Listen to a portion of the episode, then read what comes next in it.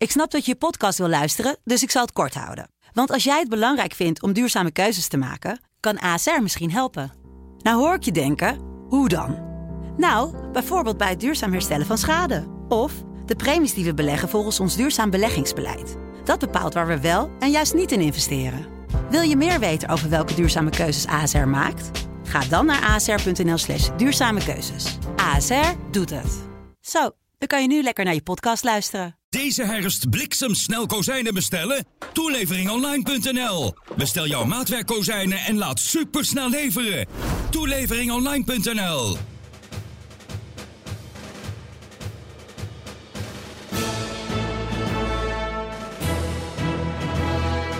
Dit is Delta Tango, de defensiepodcast van de Telegraaf.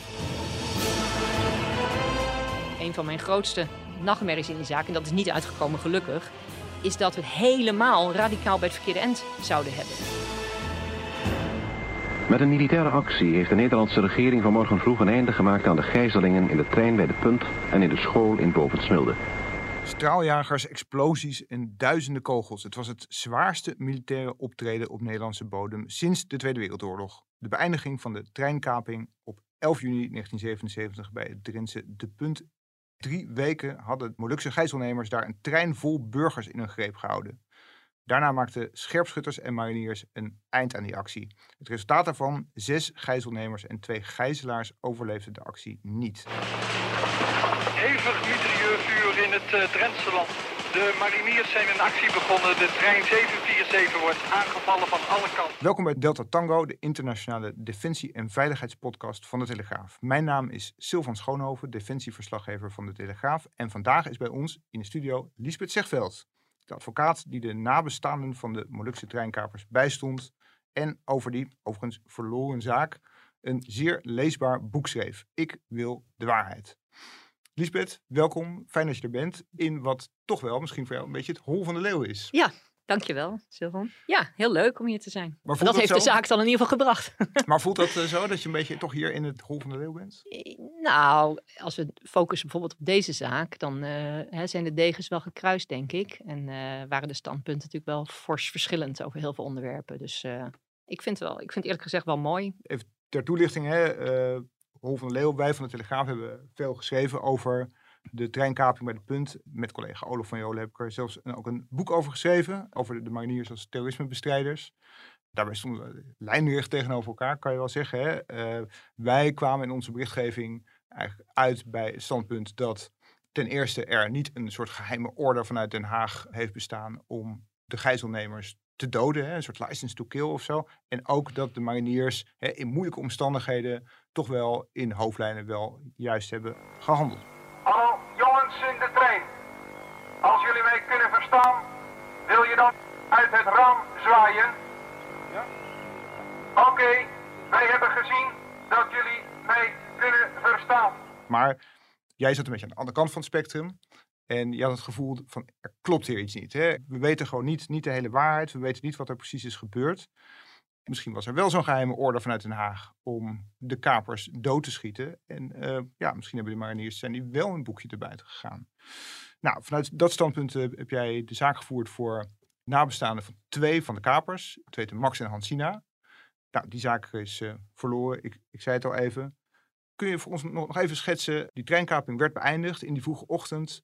Wat gebeurde er in die paar minuten volgens jouw beeld? Nou, laten we vooropstellen dat ik natuurlijk professioneel in die zaak ben opgetreden. Dus ik heb daar geen privébeeld van. En in een rechtszaak neem je een stelling in waarvan je zegt, nou die moet bewezen worden, willen we de zaak kunnen winnen. En onze stelling was, deze twee kapers, Max en Hansina, zijn onterecht doodgeschoten, want ze lagen al eh, gewond in hun eigen bloed op de grond in hun slaapkleding in feite. Het was heel vroeg in de ochtend, eh, om een uur of vijf of zo, eh, troffen de mariniers hun. Dat was de stelling. Ze hadden aangehouden moeten worden. En we hebben in de zaak, wilden we dat aantonen en daar zijn we bewijs voor gaan verzamelen. Wat er nou precies is gebeurd, nou, wat vast is komen te staan, is dat ze onnodig zijn doodgeschoten, maar dat is een, stellen, een, vaststelling achteraf geweest. En ze zijn wel rechtmatig doodgeschoten, in de zin dat op dat moment dat ze werden doodgeschoten door de mariniers, volgens de rechter, niet duidelijk was of wel of niet nodig was. Ja, want de mariniers dachten van eh, Ze- zij ze zijn een gevaar. vuurwapengevaarlijk en Ja. zij kunnen op ons gaan schieten, dus moeten wij eerst schieten. Ja. Dat was een beetje het idee. Ja, nou voor Hans Sina was het denk ik vooral van we weten eigenlijk niet wat zij nou aan het doen is. Er beweegt iets en in een split second, dat woord split second, daar draaide eigenlijk de hele zaak om. In een split second hebben we gereageerd en haar eh, doodgeschoten. Haar al dan niet herkend hebbende. Daar was ook heel veel, heel veel discussie over. En bij Max, ja, Max lag onder een deken en die bewoog.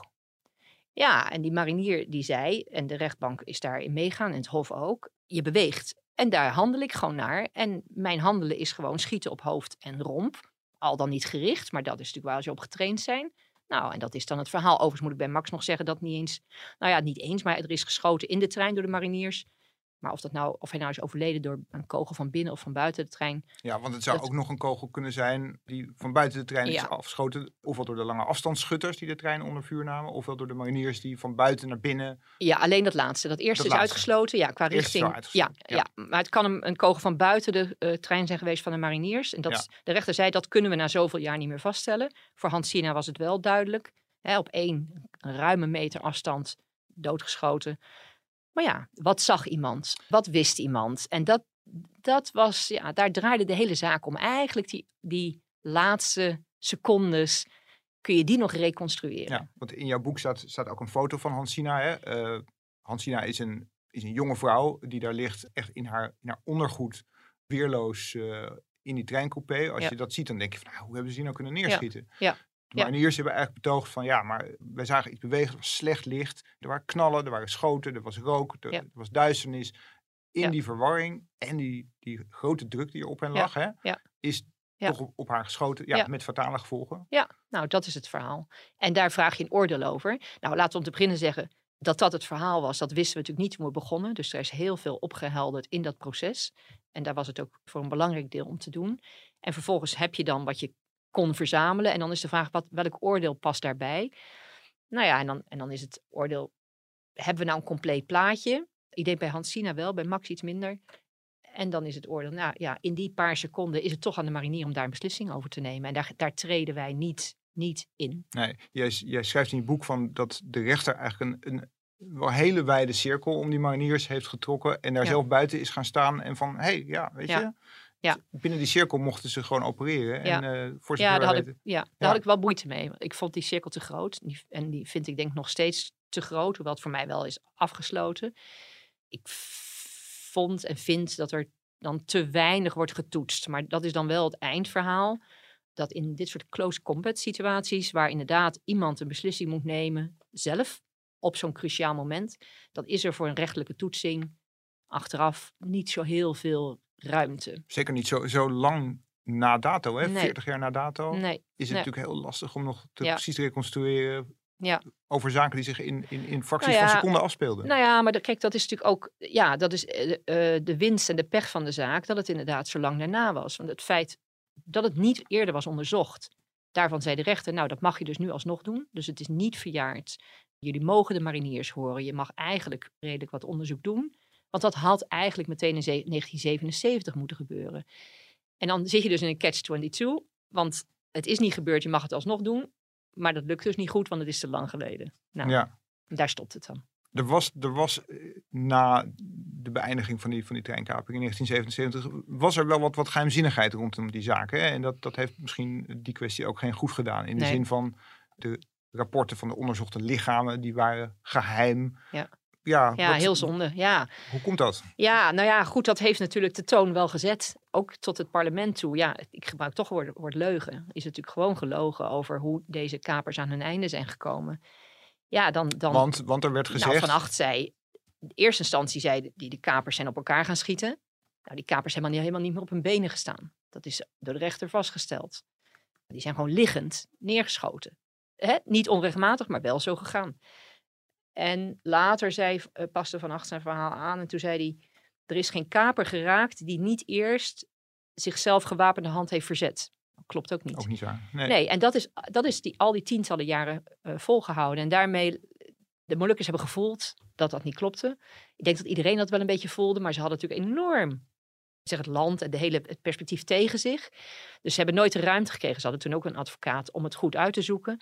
En dit is blijven sudderen. Ja, en dan krijg je bijvoorbeeld zo'n autopsierapport. Dat kwam in één keer in 2013 boven water. En, en dat, was, dat wilde de staat helemaal niet, want dat moest geheim blijven tot 2053. Maar dat ging gewoon over een van die kapers. Alleen maar over Max Papilaya. Hoezo moet dat geheim blijven? Waarom moet dat tot 2053 dan Ja. geheim blijven? Daarmee Ja. wek je natuurlijk als staat, eh, nou ja, Dat wel is, een beetje de verdenking op je van we hebben iets te, iets, Ja. iets te verbergen. Nou, en dat heeft de rechter ze serieus kwalijk genomen. Die heeft gezegd, als jij zo lang mensen op het verkeerde spoor zet, je zet ze, en de rechter zegt letterlijk, je hebt ze op het verkeerde been gezet, dan zit je nu op de blaren en dan gaan we nu verder met die zaak. Ja. Anders was die wellicht hè, in 2013 er meteen uitgevlogen. Stel nou dat, dat de staat direct vanaf 1977 helderheid had gegeven. in Ja. Van, joh, dit, dit, dit, was een, dit was een nogal lompe actie, zou je kunnen zeggen. Hè? Ja. Eh, veel geweld, veel kogels, eh, explosies. En daarbij eh, is de afloop niet in alle opzichten natuurlijk zoals hij misschien had kunnen Ja. zijn als we het misschien anders hadden aangepakt. Ja. Dit is wat het is, zo is het gegaan. Einde verhaal. Einde verhaal. dan, Ja, ik denk het wel. Ja, ik denk het echt. Ja, tenzij je op een hele andere toedracht uitkomt. Maar dat, daar heeft niemand wat voor in handen. Dus nee, ik denk Nee. gewoon einde verhaal. Ja, Want die, die toedracht, daar is natuurlijk ook veel over gezegd. Ik noemde het net al even, hè, een geheime order vanuit Den Haag. Er zijn in de loop der jaren allerlei ja, geruchten, verhalen op gang gekomen van mensen die beweerden dat ze erbij waren. Of die zeiden dat ze iemand kenden die beweerde dat, dat hij erbij was. Ja. Die zogenaamd gehoord had dat er op de vooravond van de actie iemand uit Den Haag zou zijn gekomen. Ja. Met de orde van de kapers mogen deze actie niet overleven. Echt een, een license to kill. Ja. Hoe denk jij daar nou over? Je, is dat nou gaandeweg naar Nee. het Rijk der Fabelen verdwenen? Of? Nou, weet je, ehm, er zijn mensen die dat hebben gezegd. Eh, er waren ook Britse archieven die zeggen: You have to shoot them in their legs. And remember, their legs go up until their neck. Dat stond zwart op wit. Maar de waarde daarvan, eigenlijk van alles wat die kant op ging, hebben we nooit kunnen vaststellen. En wat je als advocaat doet, en dit was natuurlijk onze enige kans, en dat heeft de rechtbank trouwens ook erkend. We moesten dit meenemen om het te onderzoeken. Maar we hebben daar nooit, nooit een harde grond onder kunnen krijgen. Is er inderdaad nou ja, überhaupt hebben we natuurlijk niet vast kunnen stellen dat er onrechtmatig we- geweld gebruikt is. Maar of daar nog een stap eerder is, een, een opdracht toe zou zijn gegeven. Nee, maar in dat voorstadium was er een heel wijd spectrum aan mogelijkheden. En we begonnen denk ik vrij open daarmee. En zijn dat allemaal gaan afstoffen. En daar hebben zich ook heel veel mensen aangediend, die inderdaad allemaal van horen zeggen, daar iets vonden dat ze iets mee te maken hadden. Ja. Dus een ongelooflijk ja, het dossier leek heel veel mensen te prikkelen. Iedereen kende inderdaad wel, nou iedereen, maar heel veel mensen kenden wel iemand die daar weer iemand kende die daar iets mee te maken had. En dat, dat is heel moeilijk geweest ook. De commandanten die wij spraken, die zeiden van met de mensen die beweerden dat ze erbij waren, kun je een stadion vullen.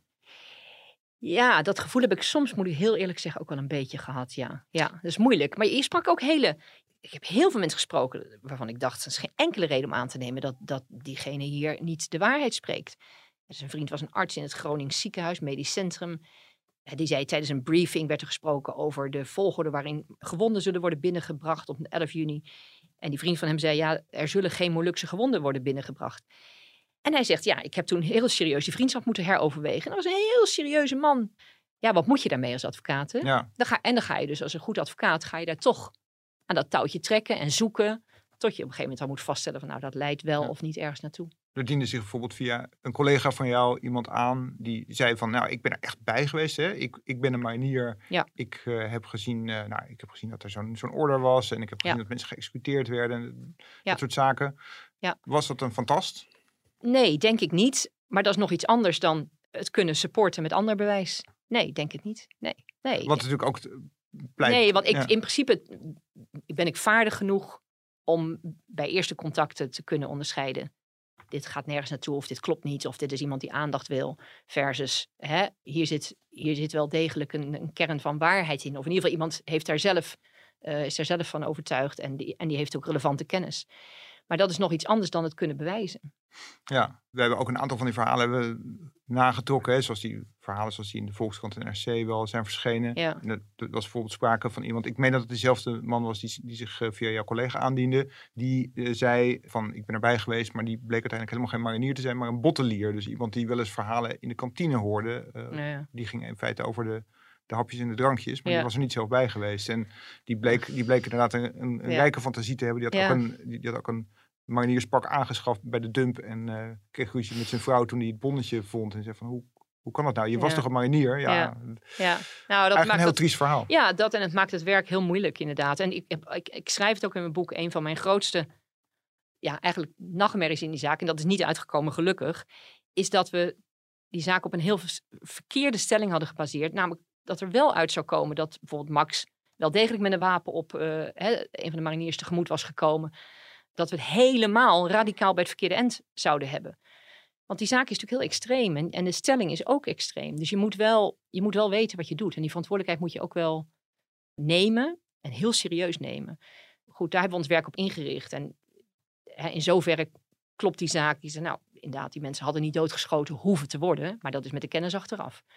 De constellatie van feiten zijn we het tot een behoorlijke eh, hoogte over eens geworden in de, in de zaak, denk ik, de partijen. En, eh, Heb jij wel eens, wel eens nagedacht over hoe de staat op een andere manier die kaping had kunnen beëindigen? Hè? Anders dan met mitrailleurschutters op afstand, mariniers met Uzi's. Was er een andere manier geweest? Of moesten ze na drie weken, hè, de, de- Ja. de toestand in die trein die was erbarmelijk inmiddels.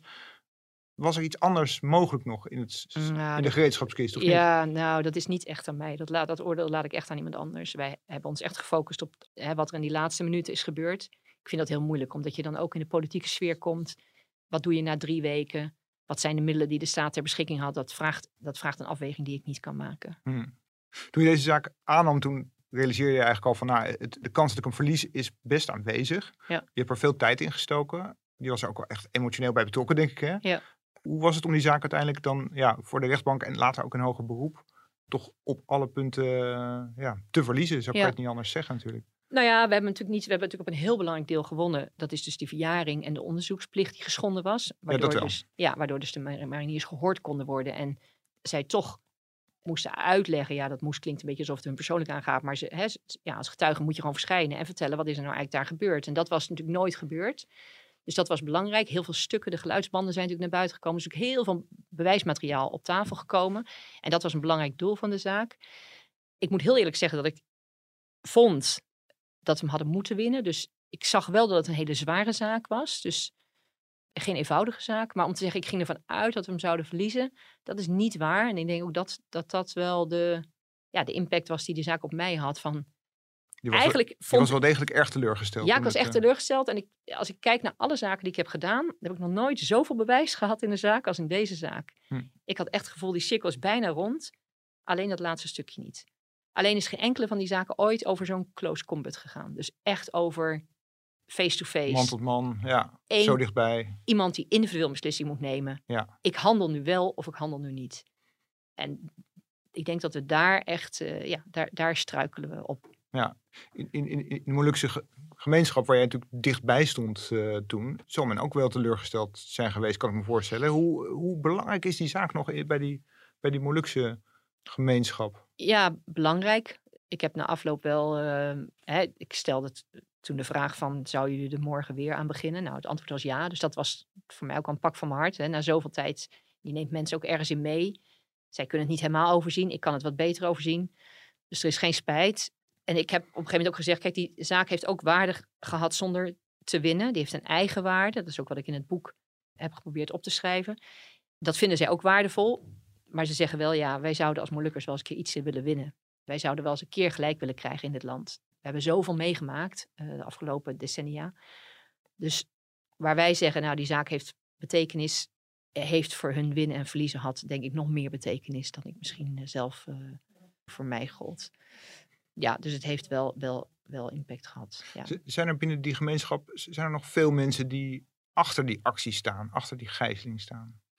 Nou, zelfs aan het begin van de zaak stond niet iedereen daarachter. Hè? Er waren mensen die zeiden, ja, luister, als je Molukkers, Molukkers, als jij een trein kaapt, dan is dit gewoon de rekening die je betaalt. Punt. Einde oefening. Maar dat was nog weer een ander verhaal dan te zeggen, mogen wij wel weten wat er is gebeurd? Waarom krijgen wij niet het verhaal te horen hoe het er gewoon is gegaan? Deel dat gewoon met ons. En dat waren twee sporen. En er waren mensen die zeiden, ja, daar heb je ook geen recht op. En pas eigenlijk gaandeweg is men tot inzicht gekomen, ja, daar hebben we wel recht op. En dat, dat heeft ze wel, denk ik, wat steviger in hun schoenen gezet. Dus ik geloof wel dat die zaak dat ze die als goed hebben ervaren. Als, eh, dat zij ook hun van de Nederlandse staat mogen, antwoorden mogen vragen. Zullen we Ja. zeggen. Dat ze niet de hele tijd in het verdomme hoekje hoeven te blijven. Ja, voor die Molukkers geldt, hè, die, die zijn op een gegeven moment eh, uit Nederlands-Indië hierheen gehaald. Die zijn op allerlei manieren door de Nederlandse staat eh, ja, in de steek gelaten, zou je kunnen zeggen. Die eh, zaten daar op kamp, hadden geen, geen zicht op, op werk of een leven hier of terugkeer naar, naar hun Molukse staat die ze graag wilden hebben. Dus ja, die vielen echt tussen wal en schip. Jij hebt daar nu dichtbij gestaan. Is die gemeenschap nu in zekere zin al geheeld van al die wonden of zijn die nog helemaal vers? Nou, ja, ik denk dat het heel erg per generatie scheelt. In deze zaak deed mee de eerste generatie, de moeder van Max. En de broers van Hansina, tweede generatie. Dat zijn de generaties die verreweg het meest hebben geleden. Voor de derde en vierde generatie, het wordt wel doorgegeven, maar ligt het denk ik wel wat anders. Nee, ik denk niet dat dat geheeld is. Maar ik denk dat die zaak daar wel aan heeft, wel toe heeft bijgedragen in positieve zin. Dat geloof ik wel. En ook inderdaad de vraag die ik stelde van zouden we er morgen weer aan beginnen? En het antwoord was ja. Ja. Ehm, dus het heeft daar het je stem laten horen, het, het, de antwoorden eisen. Eh, Hè, als er mensen overlijden, dan mogen ook wij weten wat er is gebeurd. Dat is goed geweest. Binnen En dat die- heeft de rechtbank ook zeer serieus genomen. Hè. Laten we niet vergeten dat Ja. natuurlijk wel van 2013 tot 2021 is geprocedeerd. Dat vraagt een enorme capaciteit ook van de rechtspraak. Dat is ook gegeven. Hè. Dat is niet, eh, eh, wij vragen dat, maar dat is ook zo als noodzakelijk gezien. En ik denk dat dat, dat als positief is ervaren in de Molukse gemeenschap. Ja, daar wel. Eh, iets minder in kringen van de mariniers. Hè. Daar, daar is veel boosheid ontstaan. Is zelfs een soort tegenaanklacht tegen jou. In je boek schrijf je ook dat dat heeft je best wel geraakt. Ja. Vertel eens, wat, Ja. wat gebeurde er? Eh, nou, wij zeiden natuurlijk, de, de stelling in de zaak was... deze mensen zijn door de mariniers, door de staat... maar uitgevoerd door de mariniers ten onrechte gedood. Nou, dat komt in strafrechtelijke termen... Komt dat, hè, in de volksmond is dat dan al moord. Hè? Je doodt iemand terwijl dat niet nodig is. En zo duiden we dat ook naar buiten toe. Hè? Mensen zijn, eh, zijn neergeschoten. En dat schoot bij de mariniers in het verkeerde keelgat. En dat namen ze mij kwalijk. Dus toen kwam er een aanklacht wegens smaad en, eh, en laster aangifte eerst. En toen het Openbaar Ministerie dat afwees, dan kun je daarover naar het eh, gerechtshof. En proberen het OM te dwingen alsnog tot een vervolging over te gaan. Ik denk als het door een beperkte groep was die had gezegd, ja, dat, dat ervaren wij echt zelf zo als een heel negatieve uitlating, dat het nog iets minder impact had gehad. Maar het feit dat het zo'n zwaan kleef aan actie was, hè, Ja, van want hoeveel één- aangiftes waren er uiteindelijk? ja, Tegen, acht- 48. ja. Dus het wordt een soort oproep om mee te doen. En dan krijgt het dus, dan is het een, een beetje een poging tot intimidering, intimidatie. Maar goed, uiteindelijk na dat eerste, eh, na dat eerste bericht dacht ik van nou oké, wij hebben een hele zware aanklacht neergelegd die jullie zo kunnen ervaren, dat begrijp ik. Ik sta ervoor en ik leg uit wat we hebben gedaan, waarom ik dit heb gezegd en waarom dat noodzakelijk is in deze zaak. En dat had ook uiteindelijk, maar dat is natuurlijk altijd met terugkijkend, had dat, iets, eh, had dat wel iets goeds. Als ik mijn mond open doe, dan mogen zij ook hun mond open doen. ja, want, want zij hadden het idee van, ja, wij worden hier een beetje Ja, weggezet als, eh, weggezet als moordenaars. moordenaars in Ja. staatsdienst. Hè? Ja. Dat was wat zij zo voelde. Ja. Eh, dat pikken wij niet. Nee, nee, nee. Snap je dat? Nee, ik snap dat zeker. Ik snap dat zeker. Ik heb zelf nooit iets tegen mariniers persoonlijk gehad. Het was ook jammer, vond ik, dat zij eh, helemaal afgeschermd gehoord werden. Afgeschermd in een hokje en met stemvervorming. Ik denk altijd dat als je mensen ziet, ja, dat er dan toch iets kan gebeuren van, nou, ik doe gewoon mijn werk. En zij hebben destijds hun werk gedaan. Maar die wereld, die zaten, ja, hun wereld en de mijne zit wel, daar zit, zit een brede ruimte tussen. Ja, dat herken ik. Ja. Ik had het makkelijker gevonden, denk ik, als het beperkt waren gebleven tot de mariniers bijvoorbeeld in de trein. En niet, niet 50 man. Want dan Ja, vond ik het- een beetje aparte Het gevoel was dat eh, ja, bijna de krijgsmacht als, als geheel, of in elk geval Ja. korps mariniers als geheel, Ja, in de beklaagde bank stond. Hè? Dat, eh, aan hun kant voelde dat zo. Zo voelde dat. Ja, nee, dat is duidelijk. En ik denk dat het Hof daar in de uitspraak, uiteindelijk is dat dan natuurlijk afgewezen, maar het Hof heeft daar ook wel begrip voor getoond. Dat er een eh, esprit de corps is hè, bij de mariniers en dat je ook alleen maar zo kan handelen als je als collectief sterk staat en de rijen sluit. En dat deze, de aantijgingen in deze zaak dus hard aan kunnen komen. En dat er tegelijkertijd getoetst moet kunnen worden. Ja. Nou, ik heb die hele zaak, die was spannend. Van A tot Z. Ik schrijf er ook niet voor niks een boek over. De hele tijd waren er dit soort spanningen. En die waren heftig. En die werden door hun ook als heftig ervaren. En dan krijg je dus dit soort reacties. Maar ja, ik kan niet zeggen dat ik hun gevoelens niet begrijp. Wat, wat waren de reacties eigenlijk vanuit eh, de groepen over, over wie we het nog helemaal niet hebben gehad? Namelijk de mensen in die trein, hè? De, de gegijzelden, Ja. die eh, ja, dankzij die actie weer vrij waren om de, de trein te verlaten. Hoe reageerden die op deze... Nou, we hebben met twee contact gehad, eh, drie. Eh, dus het zijn, eh, eh, er was ook een gegijzelde. Ja, dat zijn dan, kijk, wij horen natuurlijk heel vaak van de mensen die dan het er wel mee eens zijn. En de anderen hoorden wij minder. Dus ik heb niet zo'n beeld van andere gegijzelden. Maar jullie misschien wel. Nou, ik heb als, maar ik weet niet of dat van een gegijzelde was. Die zei van ja, als deze mensen schadevoeding vragen, waarom dan niet? Laat dan de Molukkers sch- schadevoeding betalen aan de mensen die in de trein hebben gezeten. Dat heb ik wel eens een keer gelezen, maar nooit, nooit dat het bij mij op Ja. mijn bureau terecht is gekomen. Want meestal verdedig jij natuurlijk eh, mensen die zeggen dat ze hè, slachtoffer zijn van Ja. oorlogsgeweld. Dat is, dat is jouw specialiteit. In dit geval ligt het natuurlijk wat ingewikkelder. Ja. z- zijn dit nou daders of slachtoffers in jouw beeld? Nou, ja, daders waren het in ieder geval. eh, dat Ja. buiten kijf. Ze zijn doodgeschoten terwijl het niet nodig was. Dan kun je zeggen, ja, dan ben je ook slachtoffer. Maar niet onterecht doodgeschoten, niet onrechtmatig doodgeschoten. En dat is denk ik het laatste woord. En ik heb, ja, ik heb niet zo'n behoefte om die zaak, om dat eindoordeel te gaan herevalueren. Dat is niet wat ik wil. Maar de zaak is wel gevoerd vanuit dat dubbele perspectief. Dat het daders en slachtoffers waren. Dat was natuurlijk wel de, de- wel de stelling. En dat is denk ik een, eh, nou laten we zeggen, een iets genuanceerder beeld geworden.